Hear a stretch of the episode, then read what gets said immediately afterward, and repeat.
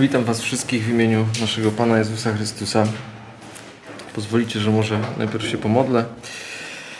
Dobry nasz Ojcze, tak Ci dziękuję za to, że nas tutaj tak licznie zgromadziłeś i proszę Cię, aby to słowo, które y, teraz przekażę, żeby ono pochodziło od Ciebie, Panie, i, e, i żebyś napełniał nas Duchem Świętym, e, jak dzisiaj, jak i każdego dnia, żeby ono z nas, żeby to słowo nas prowadziło, Panie, przez całe nasze życie.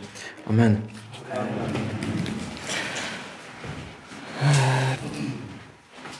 Dzisiaj skorzystam trochę z tego, co e, niektórzy bracia, nasi tutaj kaznodzieje, e, e, że tak powiem, głoszą kazania, mówiąc dużo wersetów. Dzisiaj też będzie dużo wersetów.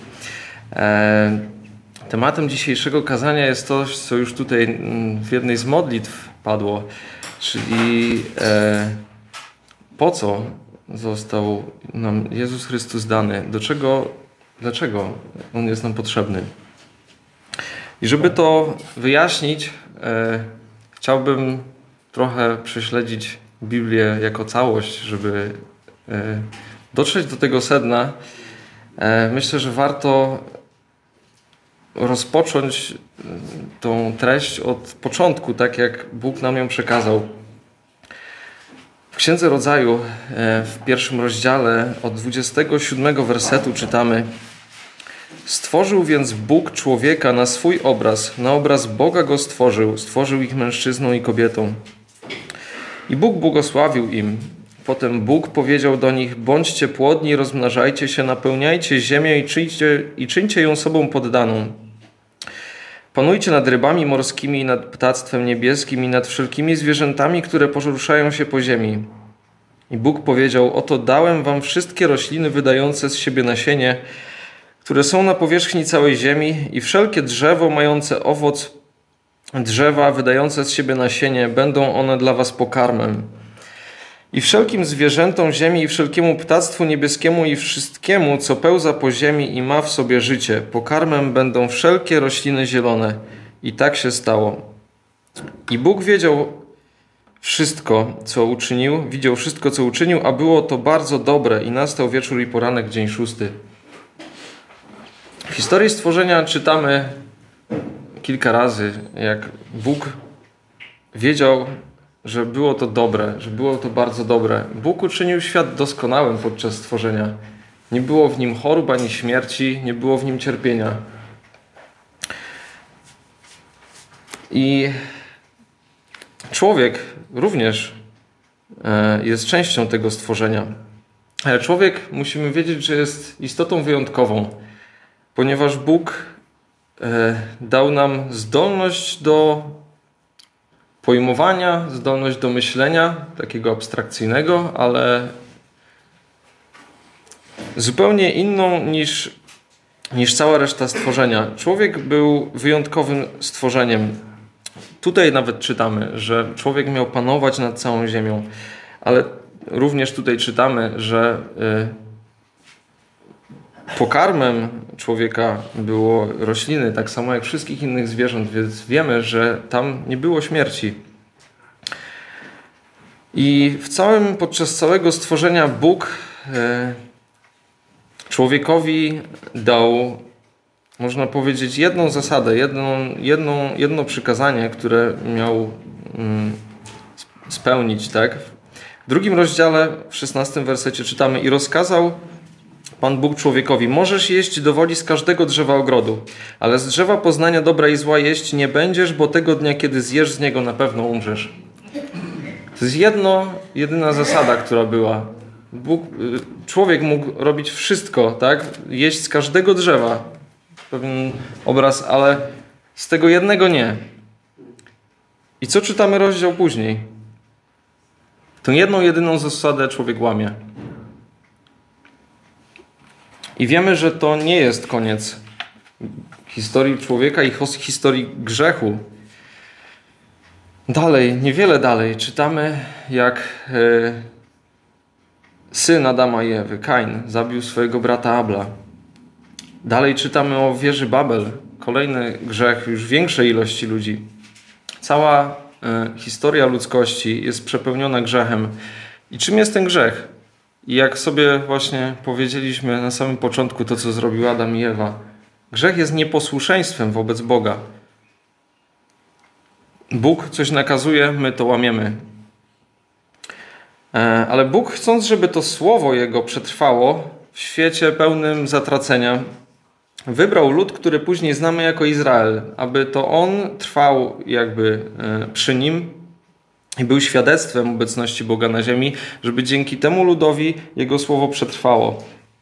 Izrael otrzymał e, również prawo, którego musiał przestrzegać.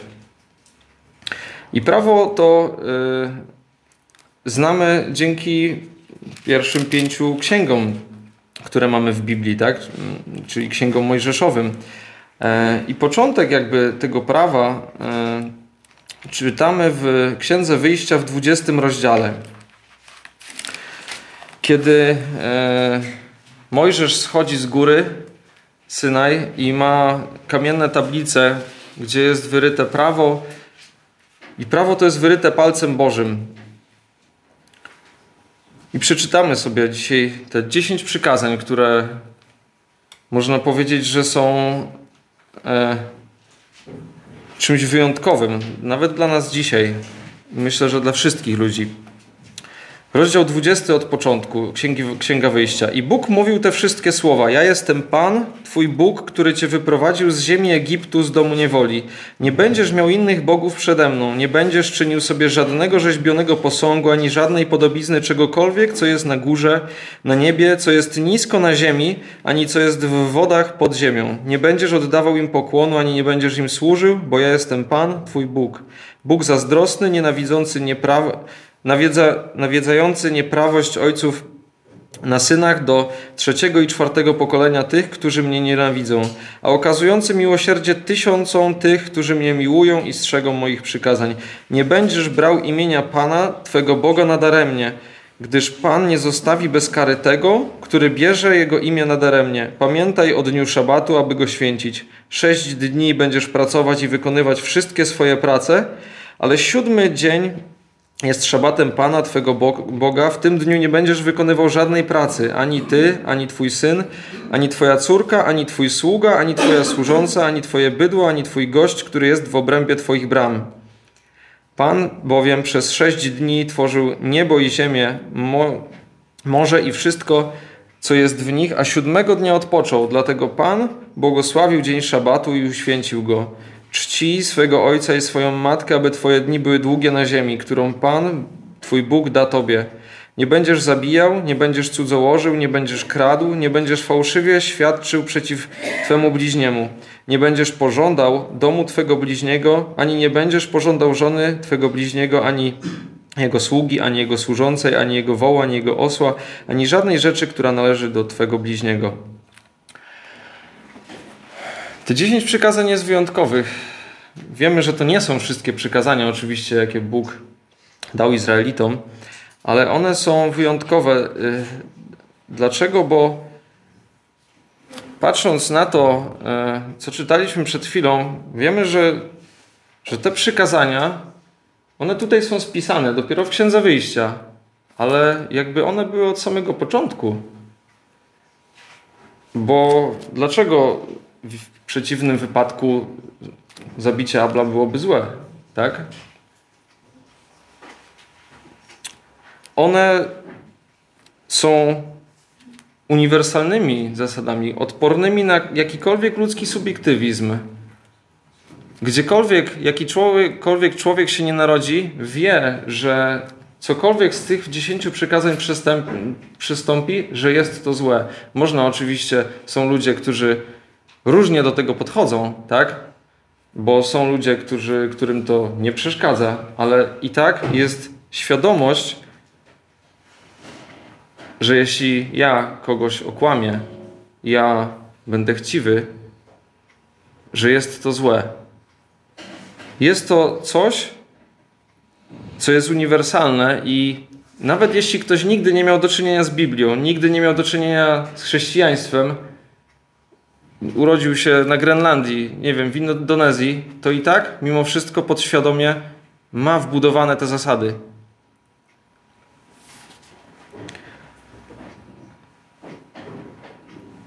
Ale jednak, jak często te zasady są łamane? Jest tylko 10 przykazań, ale jak często te zasady są łamane przez każdego człowieka, można by powiedzieć? Można by się ośmielić? Po co to prawo było dane wtedy Izraelitom? Izraelitom ono do, zostało dane, całe prawo, e, aby mogli otrzymać Boże błogosławieństwo, Boże prowadzenie. Czytamy to w Księdze Powtórzonego Prawa e, w szóstym rozdziale od 18 wersetu. A czyń to, co jest prawe i dobre w oczach Pana, aby ci się dobrze powodziło, abyś wszedł i posiadł tę dobrą ziemię, którą Pan przysiągł Twoim ojcom, aby wypędzić przed Tobą wszystkich Twoich wrogów, jak to Pan powiedział. A gdy Twój syn zapyta Cię kiedyś, co to za świadectwa, nakazy i prawa, które Wam nakazał Pan, nasz Bóg, wtedy powiesz swemu synowi: Byliśmy niewolnikami faraona w Egipcie i Pan wyprowadził nas z Egiptu potężną ręką. I na naszych oczach Pan czynił w Egipcie znaki cuda, wielkie i dotkliwe nad faraonem i nad całym jego domem, lecz wyprowadził nas stamtąd, aby nas wprowadzić i dał na, dać nam tę ziemię, którą przysiągł naszym ojcom. I Pan nakazał nam wypełniać wszystkie te nakazy i bać się Pana naszego Boga, żeby nam było dobrze, powodziło po wszystkie żeby nam się dobrze powodziło po wszystkie dni, aby nas zachować przy życiu tak jak dziś. I będzie to nasza sprawiedliwość, gdy będziemy przestrzegać wszystkich tych przykazań i wypełniać je przed Panem naszym Bogiem, tak jak nam je nakazał. Czyli widzimy, po co zostało dane prawo Izraelitom. W Nowym Testamencie również mamy pewne wyjaśnienie, do czego miało służyć prawo. I tutaj bym też chciał przeczytać z listu do Galacjan, z trzeciego rozdziału, Mamy taki fragment.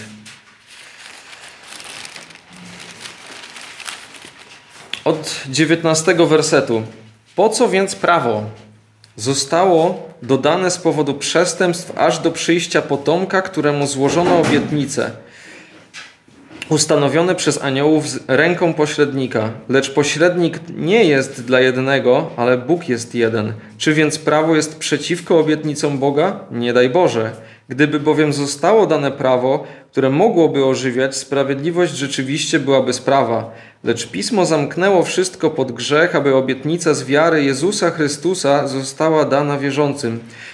Zanim zaś przyszła wiara, byliśmy poddani pod straż prawa i trzymani w zamknięciu aż do tej wiary, która potem miała być objawiona. Tak więc prawo było naszym pedagogiem do Chrystusa, abyśmy z wiary byli usprawiedliwieni.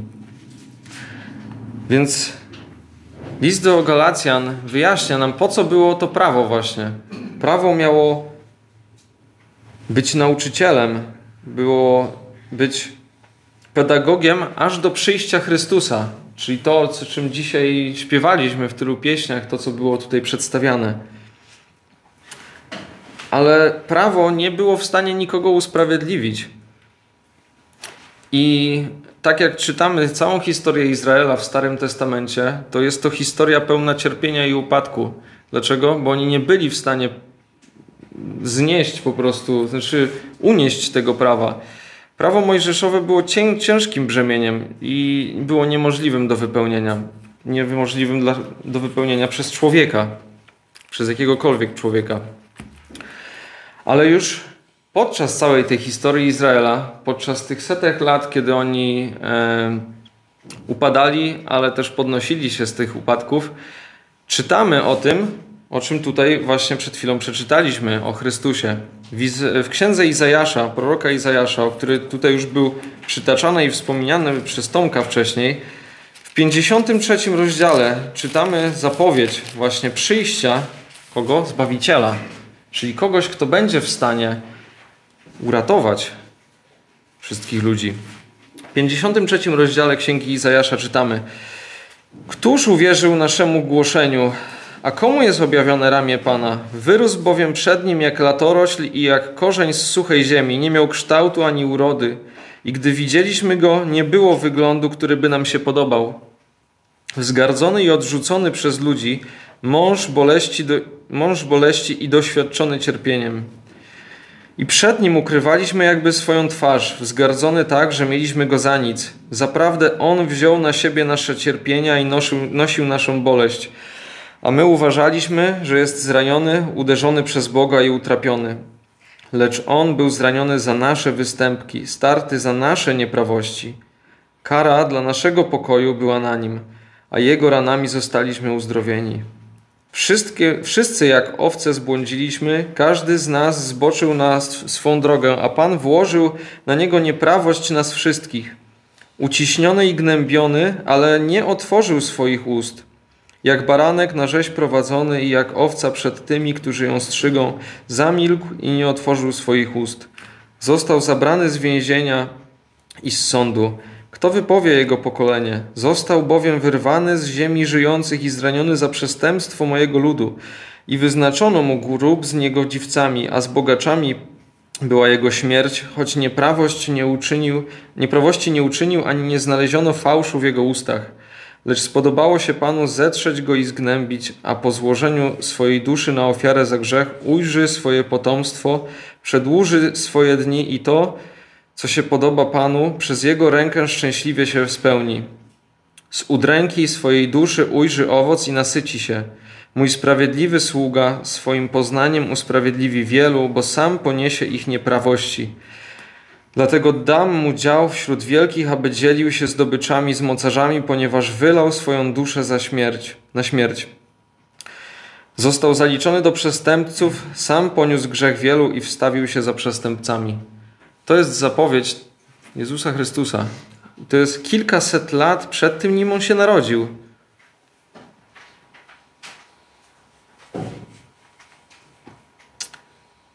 Jest wiele, wiele różnych proroctw na temat Jezusa Chrystusa w Starym Testamencie.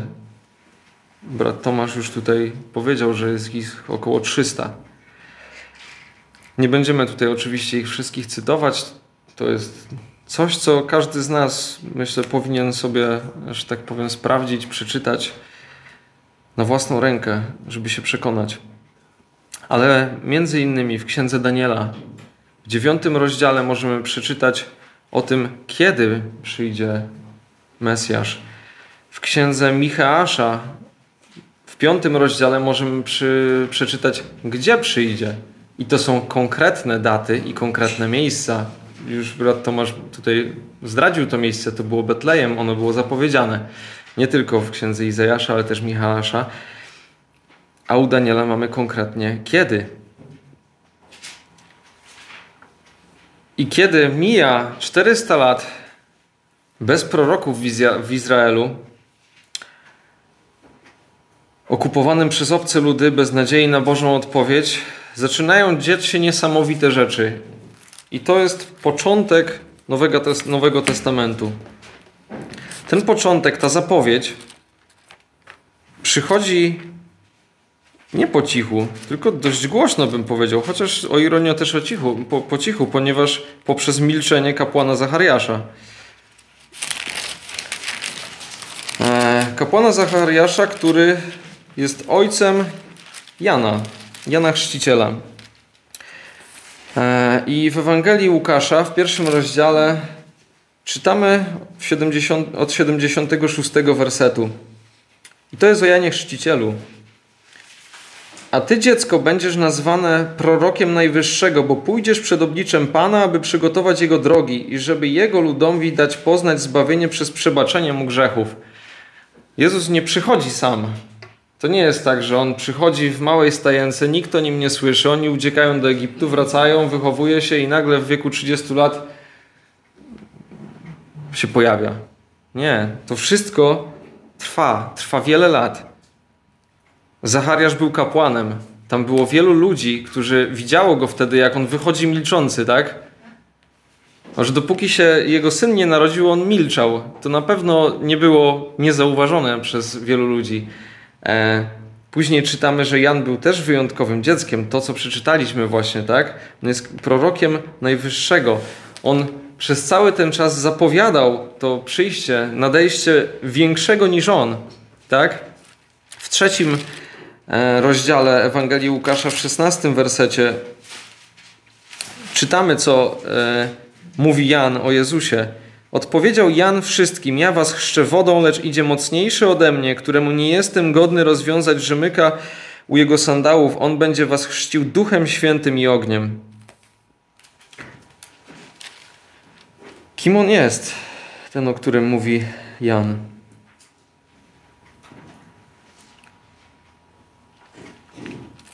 Księdze, w Ewangelii e, Jana w ósmym rozdziale możemy przeczytać w dwunastym wersecie to, co Jezus mówi o sobie. Jezus znowu powiedział do nich: Ja jestem światłością świata. Kto idzie za mną, nie będzie chodził w ciemności, ale będzie miał światłość życia. Jezus Chrystus jest światłością świata.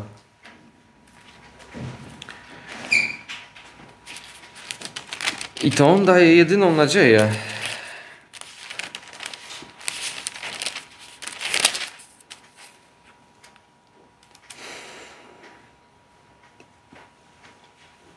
Wiemy też, że Bóg, Ojciec, również daje potwierdzenie Jego synostwa, Jego daje świadectwo o Nim.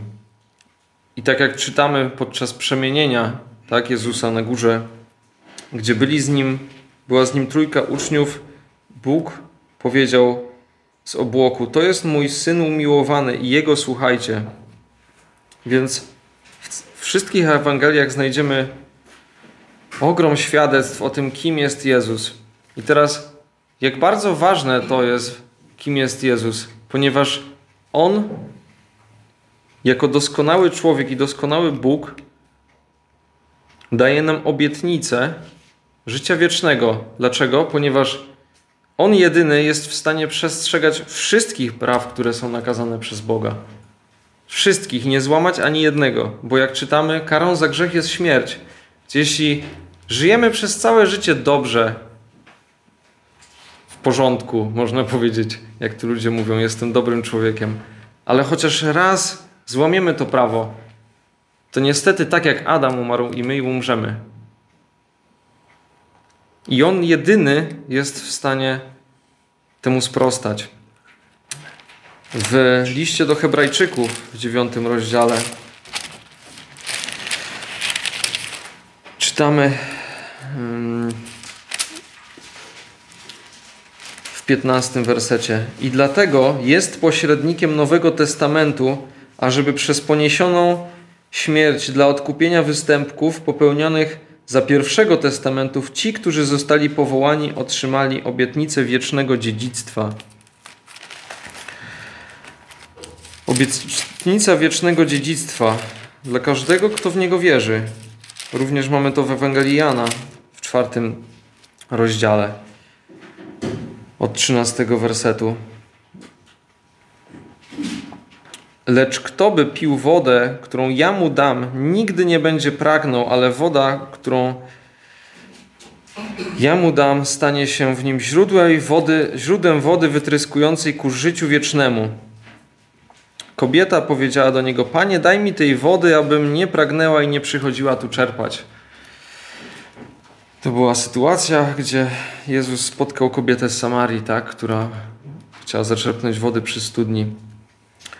Jezus jest wodą życia, jest światłością świata, jest jedyną rzeczywistością, która jest w stanie dać nam wodę, dać nam życie wieczne, tak? I teraz, co więc jest z tym prawem? E, po co, po co ono było przez tyle lat dane i dlaczego, dlaczego ci Izraelici starali się za wszelką cenę wypełnić to, bądź też niektórzy nie chcieli. E, ale dlaczego jest tak ogromne niezrozumienie, e, niezrozumienie tego, tej, tej, tej całej sytuacji między prawem a Jezusem? E, w liście do Rzymian, w czwartym rozdziale, apostoł Paweł nam wyjaśnia, cały list do Rzymian jest można powiedzieć, najlepszym wyjaśnieniem tego wszystkiego, całej tej historii właśnie zbawienia. W czwartym rozdziale czytamy: Cóż więc powiemy, co zyskał Abraham, nasz ojciec, według ciała? Jeśli bowiem Abraham został usprawiedliwiony z uczynków, ma się czym chlubić, ale nie, został, ale nie przed Bogiem.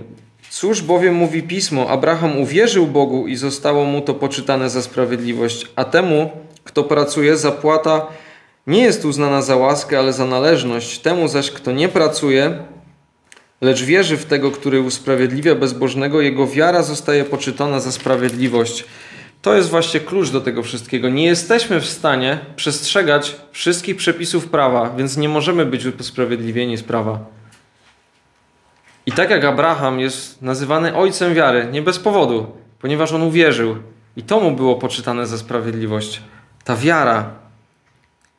Bo dzięki tej wierze możemy skorzystać z tego, co zrobił właśnie dla nas Chrystus.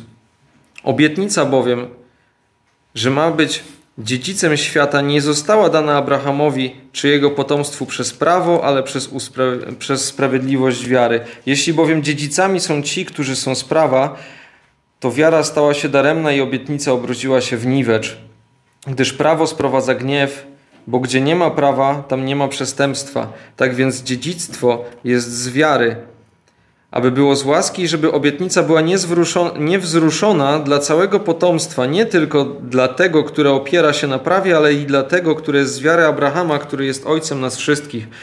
I to jest właśnie sedno tego wszystkiego. Prawo zostało dane Izraelitom, ale łaska, którą obdarował nas Bóg, jest nie tylko dla Izraelitów, dla wszystkich ludzi. Czyli wiara w Jezusa Chrystusa jest dostępna dla każdego człowieka na ziemi.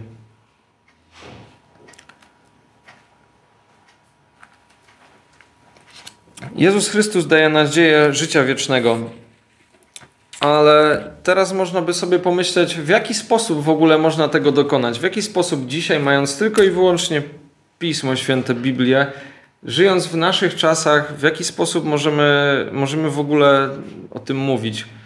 E, wielu ludzi mówi, że nie ma żadnego dowodu w ogóle, że Bóg istnieje, że Jezus w ogóle stąpał po ziemi. Nie ma żadnego dowodu. I oczywiście żadnych naukowych dowodów na istnienie Boga nigdy nie znajdziemy.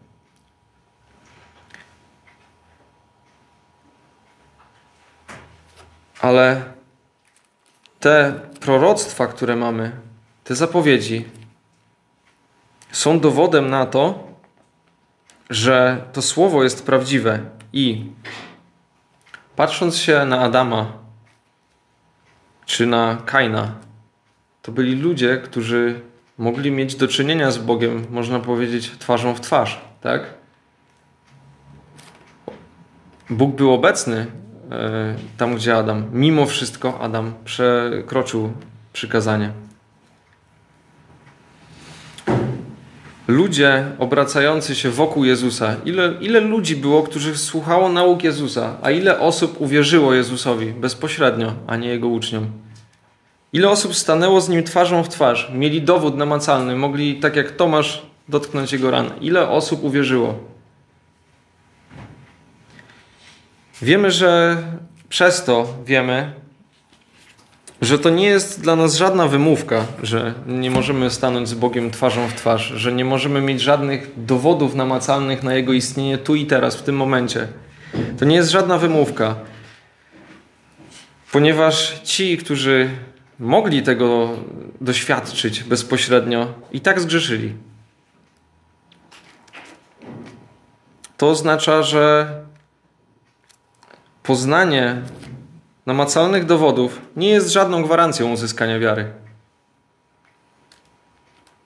Ale druga rzecz, jaka z tego wypływa, z tej całej historii, że nie ma żadnej nadziei na to, że my sami możemy siebie w jakiś sposób zbawić, że y, jesteśmy w stanie się uratować od grzechu. Nie ma dla nas żadnej nadziei. I jedyną nadzieją dla mnie i dla ciebie jest Jezus Chrystus, który przyszedł na świat po to, żeby nas zbawić. On jest tą wodą życia, która może ożywić ciebie już dziś. Wystarczy w niego uwierzyć. Amen.